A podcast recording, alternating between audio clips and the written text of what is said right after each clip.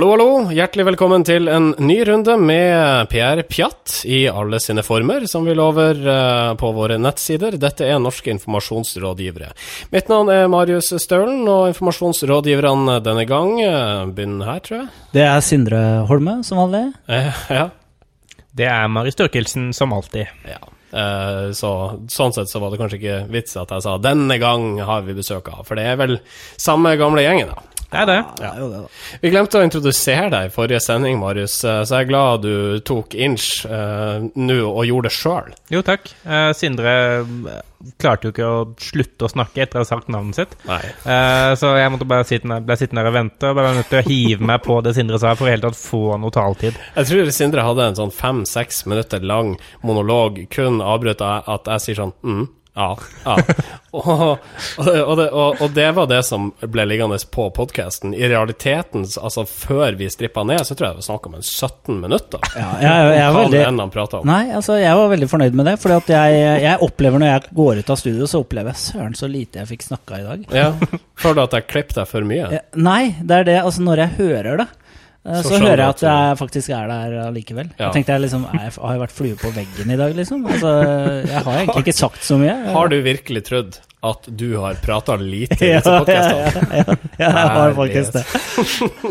Jeg tror vi begynner borte ved vinduet her. Marius Torkelsen, hvordan går det med deg? Det går bra. Eh, jeg har jo eh, akkurat kommet meg etter eh, helgens eh, store reklamehappening. Eh, og jeg snakker ikke om eh, Gullfisken, jeg snakker om eh, reklamefilmfestivalen Superbowl. Ja. Eh, og- det er jo en, eh, en eh, For de som liker reklamefilm, så er det jo eh, litt sånn høydepunkter kanskje i løpet av året. Eh, alle annonsørene, og ikke minst alle måte, byråene som er noe, bruker da eh, pausen i Superbowl på å posisjonere seg. Lage morsomme reklamer, lage sexy reklamer, lage uforståelige reklamer, Litt og lage liksom art-nivå-reklamer. Uh, og min favoritt var egentlig Samsung sin reklame med Seth Rogan og uh, Paul Rudd, hvor egentlig hele reklamen var en parodi på litt sånn idé-brainstorming-møter i reklamebransjen. Utrolig internt, og veldig rart at Samsung er med på det, men, men det var veldig morsomt.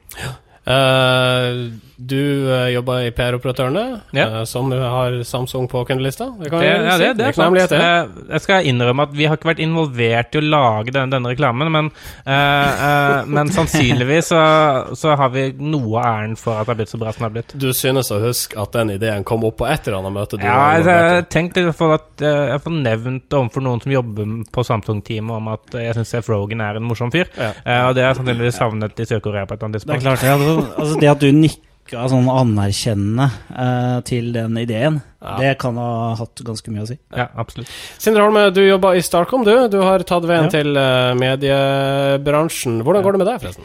Ja, eh, litt mer reklame der, Vi er også veldig glad i Samsung. skjønner du. Oh, ja. Eh, Men jeg skal si litt om eh, hva jeg har gjort den siste uka. Jeg så faktisk ikke på Superbowl, men jeg, jeg merker at jeg ser veldig lite på de her store Store TV-sendingene som eh, bygger Norge, sånn som Melodi Grand Prix. Ja, eh, og altså. Skavlan, Nytt på Nytt osv. Nå sånn, Jeg så faktisk på House of Cards istedenfor å se på uh, Skavlan, f.eks. Uh, du ser ikke på Melodi Grand Prix? Det gjorde jeg. Jeg, så, jeg satt meg ned hjemme alene, faktisk. Bodøværing, vet du. Ja, Ja. Så på dine brødre i Ja, måtte selvfølgelig se hvordan det gikk med Bodø i uh, delfinalen. Og det gikk jaggu meg bra. De kom Ja. ikke på førsteplass, men uh, de er videre til finalen. Jeg Så synes- gratulerer, Sirkus Ja, jeg syns det var litt morsomt, bare eh, et lite, en liten kommentar til det. Fordi at jeg så Thomas Dalseth i VG, som er sånn uh, hardtslående revolverjournalist. Han ga jo den låta terningkast én og sa 'hat'. Eh, jeg konkluderte han med. Eh, og det hører jo ikke folk på. Thomas Talseth er vel norsk musikkbransjes bitreste menneske. Han har ekstremt eh, mange enere og toere i sin sekk full av yatzy-terninger. Ja. Skal sies. Ja, Han har vel et behov for å påvirke, da. Uh, får det ikke til. Men uh, svært underholdende bruk hans anmeldelser hver, så uh, Ja. ukas Jeg kudos går ikke til han, men kudos. Jeg syns anmeldere burde vært utstyrt med bare én og seks, så blir det som interessante anmeldelser. Så, ja, dette var en tøy, og litt bra og litt dårlig og litt passe. Litt sånn manisk depressive. Kan ikke vi sette de til å anmelde musikk? Ja. Mm. For da får du enten én og seks. Ja, det var helt ok, CD-plate. Gjorde ikke så mye for meg, men uh, Ja ja, terningkast seks, det er den som vi har. Det ble jo ikke noe ener, så. Nei, jeg tror vi kan komme oss i gang. ja. Eh, hva har vi på planen? Vi skal snakke om Datatilsynet. Ja, vi skal innom flatindeksen. Uh! Oh, ja, stemmer. Og vi skal snakke om noen sånne uh, hoder på staur. Ja vel. Høres uh, veldig spennende ut. Uh, da setter vi i gang. Dette er Norske informasjonsrådgivere episode 18. Velkommen til Studio 2 i Nydalen. Norske informasjonsrådgivere. Da skal vi til Datatilsynet, som nå har godkjent Google Analytics. Endelig kan staten måle og analysere nettsider. Eh, Betyr dette bedre nettsider for brukerne, spør vi. Ja, eh, jeg, jeg fikk denne saken faktisk via Fredrik Johnsen på, på Facebook, og, eh, og jeg syns det er en, det er en gladsak fordi det er nettopp eh, det at nå f.eks. Lånekassen og Altinn etc. får lov til å bruke Google Analytics for å se litt hvordan er det faktisk folk bruker tjenestene deres. Kan du forklare litt hva Google Analytics er for noe? Google Analytics er, jo et verktøy som man eh, installerer på, på nettsidene sine for å se på hvor mange besøk får man, hva er det de trykker på, hvor, og hvordan er det de beveger seg på nettsidene dine. Altså hvordan er det de går fra faen til faen og sånn. Og Da kan man veldig tydelig se hva, hva slags type innhold som er interessant for de som besøker nettsiden, og, eh, og hvordan de navigerer seg, om det er ting man kan gjøre enklere der. Eh, og For staten er dette ekstremt relevant, fordi, fordi de har jo veldig mye innhold på, på nettsiden sin, og mye lenker og mye eh, faner og sånn. Og det faktisk da å kunne bruke tallmateriale for å se hvordan vi kan gjøre dette enklere, det tror jeg er eh, Det kommer til å bli gull. Så spørsmålet som ble stilt innledningsvis her, kommer dette til å bety bedre sider for oss publikum? Ja, det er jeg ganske sikker på, for eh, det brukes jo mange, mye ressurser på å utvikle eh, e-tjenester, holdt jeg på å si. Altså ikke sånne hemmelige tjenester, men elektroniske tjenester. Eh, blant annet Skatteetaten har jo det, Lånekassen og regjeringen.no. Det er mange viktige De, har jo, altså, de flytter jo mye av informasjonen over på nett. Eh, så det er klart, det er ekstremt viktig at uh, det blir brukt riktig, for ellers er jo det tapssluk. Uh, det vet vi jo fra tidligere, at uh, det offentlige bruker mye penger på IT-systemer. Det at Datatilsynet har godkjent dette her, når folk hører at Datatilsynet er på banen, så konnoterer det automatisk til all, alle debatter om personvern og det å, Ja. å beskytte brukerne. Men til tross for det, så er dette altså en uh, gladsak. Jo, men det er det, og- det er jo for så vidt bra at måtte, Datatilsynet har gått gjennom dette, fordi deres ankepunkt har vært- altså, hvorvidt eh, Google er flinke til å anonymisere eh, dataene, og måtte, hvem som faktisk altså, De som legger inn data, de som besøker sidene. Og nå har de endelig måtte kunne gå god for Googles eh, systemer. Da. Så er det også en anerkjennelse til Google, for så vidt, at eh, stamp, of, stamp of approval fra Norge eh, Dere er sikre nok.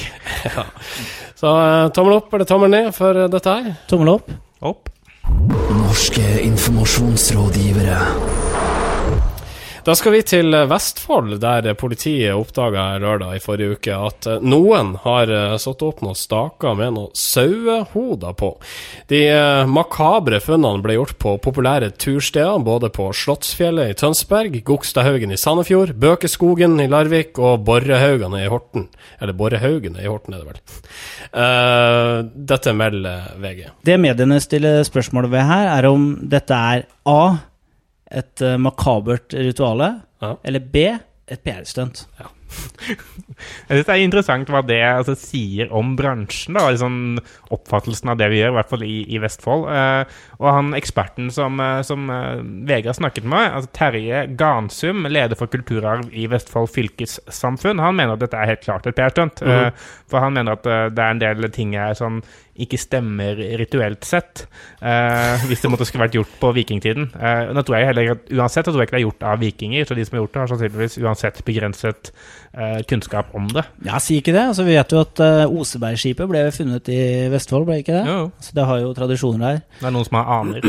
Ja, det kan være altså, noen etterkommere. Dette er ikke første gang at jeg har hørt at PR-bransjen setter makabre ting ut på tilfeldige steder. Uh, Concilio, som eh, har kontoen MTV, uh, de satte ut gravstøtta di rundt omkring i Oslo i forbindelse med nedleggelsen av det ja, angivelig populære programmet Jersey Shore. Ja, men det er noe jeg er stolt av, det. Det som i hvert fall er uh, klart, er at når uh, til og med en uh, konservator i Vestfold fylkeskommune ikke liksom lar seg hisse opp over dette her, så er det jo ikke mulig å sjokkere eh, lenger. Altså, Så dø, døde sauer på pinner, det er ikke noe som bryr oss lenger. Nei, det bryr oss ikke lenger. Altså, kom med noe sterkere, liksom. Ja, ja, men når jeg leste denne saken og måtte så den på redaksjonsplanen, så lagde lagde jeg en sånn mental pro-con-liste for om det er PR-stunt. Ja. Uh, en sånn sjekkliste. Og uh, A uh, liksom, Nei, ikke A, men pro. Ja.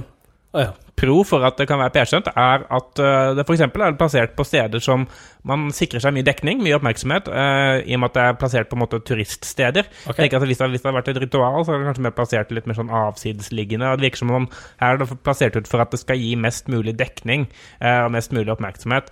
Uh, Con er jo at hvis det er et PR-stunt for Hammerslagfestivalen, så er den broa mellom sauehoder på Spyr og en metal-festival fortsatt ganske lang. Altså, det er ikke noe sånn Det er ingen som hadde tagga liksom, eller skrevet Hammerslagfestival med blod eller et eller annet. Nei. Det kan jo ha vært altså et, En alternativ forklaring her er jo at det er et PR-stunt gjennomført av noen uten peiling på PR. Altså Ja, det- at det var bare en fyr som sier Hei, hva om vi setter opp noen sauehoder for å fronte denne festivalen? Ja, og så en eh, helt, eh, helt, helt alternativ forklaring er at det er Vestfold ornitologiske forening som har satt ut for å gi mat til småfuglene i Vestfold, men det, det tror jeg neppe Ja. Fårekjøtt er vel kanskje ikke å foretrekke for uh, byens småfugler. Ikke vet jeg. Uh, så uh, jeg tror ikke vi tar tommel opp eller tommel ned, men tror dere dette er et PR-stunt? Ja eller nei? Ja da, det tror vi. Jeg tror Ja. Marketing 3.0. Social business. Cloud computing. Social shopping. Begrepsforvirring. Ja, da var det klart for begrepsforvirring. Egentlig så skulle vi ha denne spalta i forrige sending, og vi teasa den innledningsvis, og så glemte vi det av.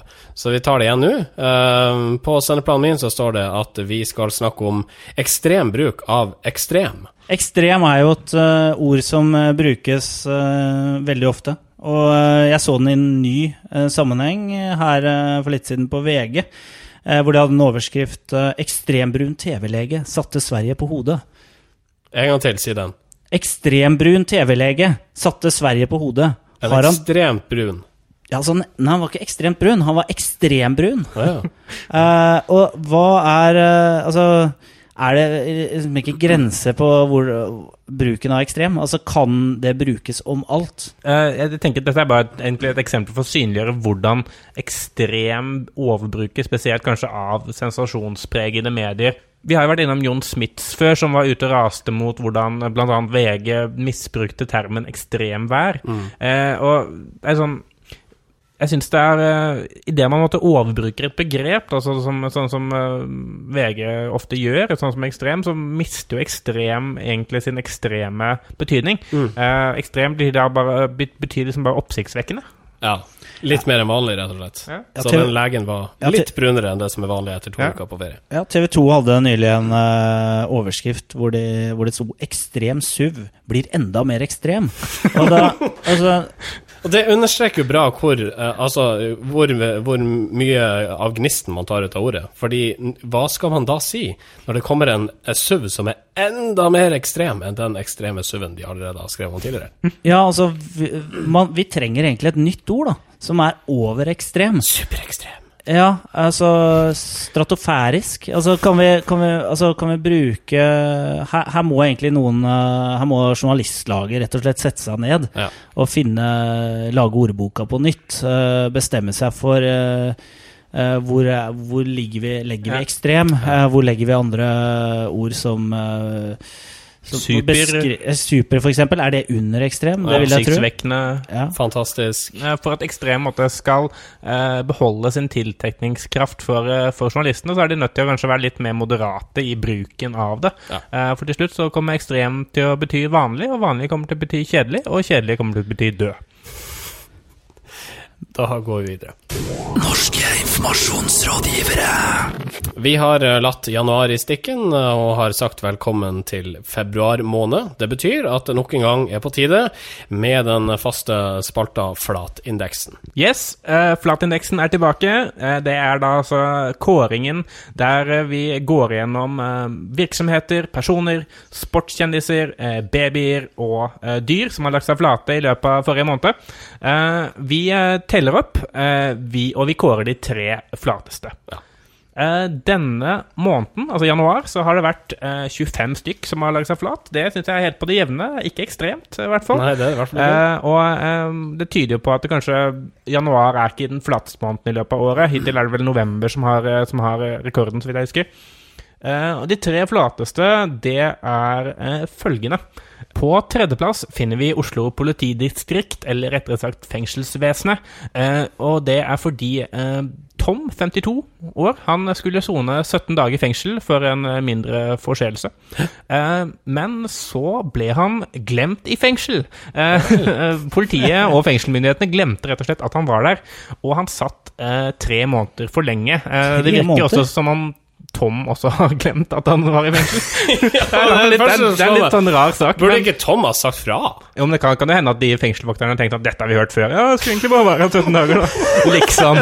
Du skal være her til Prøve å lure seg ut. Eller så kan det være at, eller så kan det være at han var med på en bordtennisturnering, og den var ikke ferdig. Nei, ja, det kan selvfølgelig Men være. eh, han, eh, det førte i hvert fall til at han, han gikk glipp av datterens bryllup. uh, og det endte jo i hvert fall med at når politiet har blitt eh, gjort oppmerksom på denne saken, så har da også Oslo politidistrikt lagt seg flate. Selvfølgelig skal man ikke glemme folk i fengsel. Greit. Andreplassen. Andreplassen er en litt sånn uh, bittersweet uh, plass. Uh, den går til uh, våre radiobrødre i radiokabinettet på Radio 3.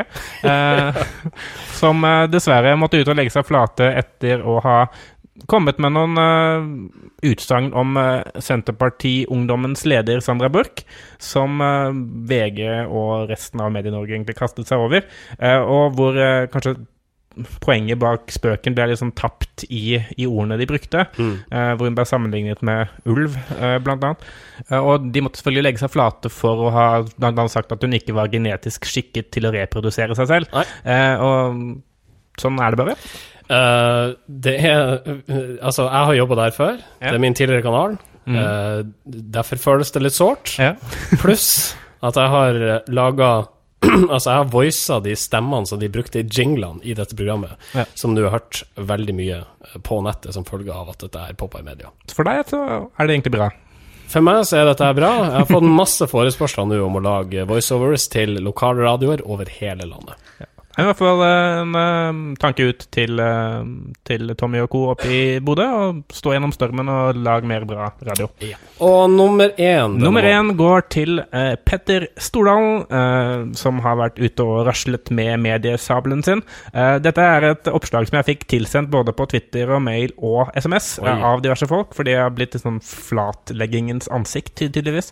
Eh, og det er fordi når Choice Hotels åpna sitt nye hotell The Thief på Tjuvholmen, eh, så ble de slaktet i en eh, DN-anmeldelse fordi bl.a. de hadde et eh, bacongebyr. Altså hvis man vil ha bacon og egg til frokost, så må man, betale ekstra. Og Petter Stordalen, han som den ja, relativt dyktige mediepersonen han er, han eh, svarte med å legge seg fysisk flat på forsiden oh, av eh. Dagens Næringsliv. Altså, Forsiden var at han lå flat og sa 'jeg legger meg flat' for Det dette bacongebyret, og sånn skal det selvfølgelig ikke være. Så å legge seg flat som verktøy, det funker innimellom. Det må være den beste flatindeksen vi har hatt på lenge. Uh, hovedsakelig pga. det med Petter Stordalen. Jeg, jeg føler liksom litt at hele, den, hele det opptrinnet der var, var litt sånn Han gjør liksom narr av det å legge seg flat også, i og med at det var sånn, var sånn parodisk, nesten. En sånn ritual. Ironisk. Jeg bare ser på at han har ringt igjen. «Ah, Hva hvis jeg ligger flat på forsiden av Dagens Næringsliv? Kan ikke det, kan ikke det få en bra Kan ikke dere komme og gi meg en pølse på det? Legg meg flat! Der! Hva er det et dyr for det bacon der! Jeg skal ikke gjøre det! Legg meg flat! Ja. Så det gjorde han, da. Eh, tusen takk for at du ga oss eh, flatindeksen. Underholdende som alltid. Norske informasjonsrådgivere. Ikke gjør dette. Det er altså klart for uh, Ikke gjør dette-spalten. Og vi skal til den amerikanske virksomheten Applebee's. Dette er en restaurantkjede borti USA. Uh, den historien er så lang at Marius, jeg tror du bare må sette i gang. Ja. Uh, dette er jo en, en, sak som kanskje er kroneksempelet på ikke gjør dette. Og det begynte med at Applebee's hadde en gjest som fikk servert mat. denne gjesten synes ikke at serveringen hun hadde fått, var verdt å tipse 18 og hun poengterte dette med en kommentar på kvitteringen, hvor hun skrev jeg gir Gud 10 uh, eh, hver måned, hvorfor skal denne restauranten få 18? Um, og eh, det førte til at en kollega av servitrisen som hadde hatt denne gjesten, hun la ut denne kvitteringen med kommentaren på uh, reddit.com, som er en sånn bilde- og ting-dele-side, hvor hun skrev en sur kommentar. Uh, denne kvitteringen eksploderte på Reddit og fikk masse views og mange kommentarer. Som igjen førte til at Applebees sparket kollegaen som hadde lagt ut bildet. Det førte til at folk ble sinte på Applebees i sosiale medier og begynte å uh, poengtere dette både på Facebook og på Twitter. Uh, Applebees svarte da med å begynne å sensurere de som kritiserte dem på Facebook, og begynne å slette kommentarer, uh, for så å begynne å argumentere og diskutere med de som faktisk la ut negative kommentarer. Så skjønte jo de at det var en ganske tungvint måte å gjøre ting på, som igjen førte til at de la ut en sånn statusoppdatering hvor de forklarte alt som hadde skjedd, på nytt. Denne statusoppdateringen fikk 20 000 negative kommentarer, som førte til at Applebees slettet statusoppdateringen, for så å benekte på Facebook at de hadde slettet noen ting. Og der er vi cirka nå. Ja, eh, der er vi cirka nå. Kommer, den snøballen her eh, kommer til å rulle til å bli like stor som en uh, ja, hva skal vi si? Som et uh, Middels stort hus? Ja, eh, minst, tror jeg. Fordi det som de De driver og argumenterer, og de tagger folk når de gjør det. Uh, sånn at folk er jo, føler seg automatisk tvunget til å respondere tilbake. Uh, så det er her Uh, her tror jeg den saken her tror jeg spiste opp sånn ca. et halvt årsbudsjett uh, i markedsmidler for uh, B. Det er jo altså Historia, Marius, den fortalte du godt. Og ja. alle skjønner hvor feil dette er. Sånn at jeg føler at en grundig analyse av hva de gjør galt her, trengs rett og slett ikke. Men uh, hvis du skal oppsummere de mange feiltagelsene Jeg må nesten bryte litt opp. da. For det første så er det jo noe med at når en sak altså, får veldig mye oppmerksomhet på sosiale medier, så må man være veldig taktfull på hvordan man velger å håndtere det. Altså Denne kvitteringen som opprinnelig fikk mye oppmerksomhet. Uh, det er kanskje riktig at, at uh, servitrisen skulle fått sparken fordi man skal ikke dele sånne type ting som er konfidensielt, men man burde kanskje på en eller annen måte funnet, sett at dette kunne blow up. Um, og så er det dette med sensurering, og det har vi sett en del før, Sindre, at det slår negativt ut. Uh, altså, det, det, er jo noen som er uh, ikke særlig kalde i toppen, som har håndtert denne uh, situasjonen hos Applebee.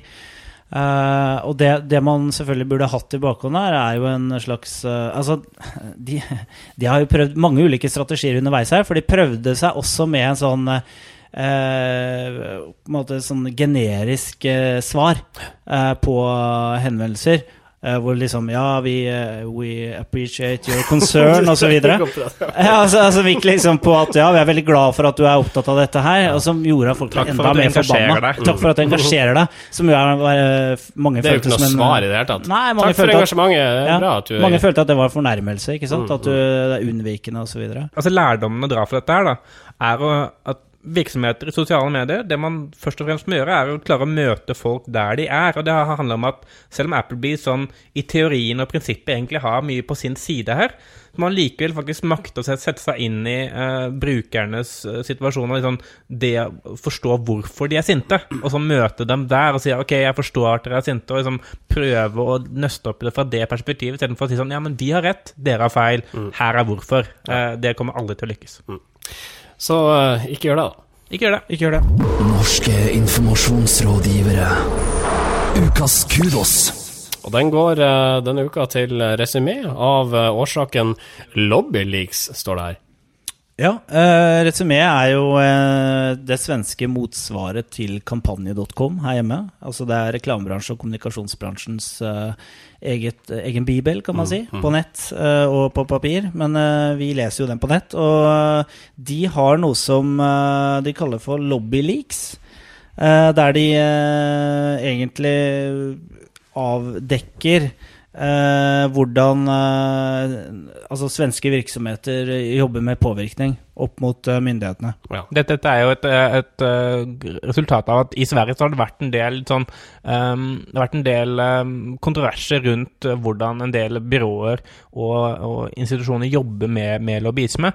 Uh, og det har også blitt avslørt at det er en del PR-byråer som har lobbet opp mot politikere, som igjen har et avhengighetsforhold til enten en virksomhet som det byrået jobber for, eller til rådgiverne i, i, i byrået. Ok, Så LobbyLeaks er på en måte et forsøk på å eh, vise offentligheten hvordan de politiske eh, prosessene blir påvirka av eh, PR-rådgivere med interesser i bunnet i noe kommersielt. Ja, ja, men det handler ikke bare om liksom, å avsløre de store, stygge lobbyistene. Det handler også om, faktisk om å avmystifisere det litt. Da, som viser at lobbyisme har noe i seg, og det er en grunn til at ting er som det er. Og som prøver å vise de positive sidene ved det også. Ja, det tror jeg, akkurat det tror jeg er veldig viktig å alminneliggjøre lobbyisme litt også. For det vet man jo her hjemme. De viktigste påvirkerne i, eh, i Norge mot, eh, som har størst apparat til å påvirke politikerne, det er jo fagforeninger. mm. og interesseforeninger. Det er ikke PR-byråer ofte. Altså, det, er ikke alt, det er veldig sjelden PR-byråer faktisk er så veldig tungt involvert i det. Eh, men her hjemme så har vi en vei å gå. Det hadde vært kjempespennende om kampanjen hadde gjort uh, f.eks. det samme. Ja. Eh, og det hadde jo vært å tatt stilling eh, til, en viktig, til et viktig spørsmål. For det har jo vært en debatt der hjemme om det skal være et lobby, om det skal opprettes et lobbyregister, hvor man kan se hvem som jobber for hvilke interesser osv. Og, så videre. og det er jo vararepresentanter på Stortinget som jobber i PR-byråene. Så her, eh, det hadde vært veldig spennende, og det er kanskje en jobb for KOM. Hvis ikke så kommer vi i NIR til å fortsette å snakke om det. Da sier vi gratulerer til det svenske magasinet Resumé. Du kan følge på Twitter, du. Det kan du på at Tidningen Resumé. Norske informasjonsrådgivere. Alle programmer har en slutt, også dette. Husk at du alltid kan følge norske informasjonsrådgivere på våre Facebook-sider. Klikk deg inn og like eh, hvis du vil. Facebook.com slash Nearcast. Ja. En ting vi ikke har stressa så veldig mye i denne sendinga, er hvor glad vi blir over at folk rater oss i iTunes. Vi er jo tilgjengelige også der, eh, så vi håper alle kan gå inn og gi litt kommentarer kanskje en karakter.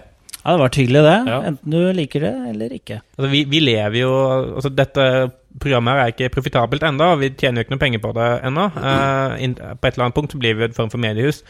Men uh, inntil videre så lever vi bare av likes uh, og Lyst. av stjerner på iTunes. Ja. Leve for likes, det er, vår, eh, det er vårt slagord. Det er det. Eh, hvis du ikke liker iTunes, eller av annen grunn foretrekker å f.eks. å laste MP3-filer, så kan du gjøre det på vår Soundcloud-side. Soundcloud.com slash Nearcast. Ja, og vi mottar også tilbakemeldinger per mail. Det er da uh, nearcast.jahu.com. Med det så setter vi strek for dagens sending. Eh, dine verter her i Studio 2 i Nydalen har vært fra min høyre. Sindre Holme.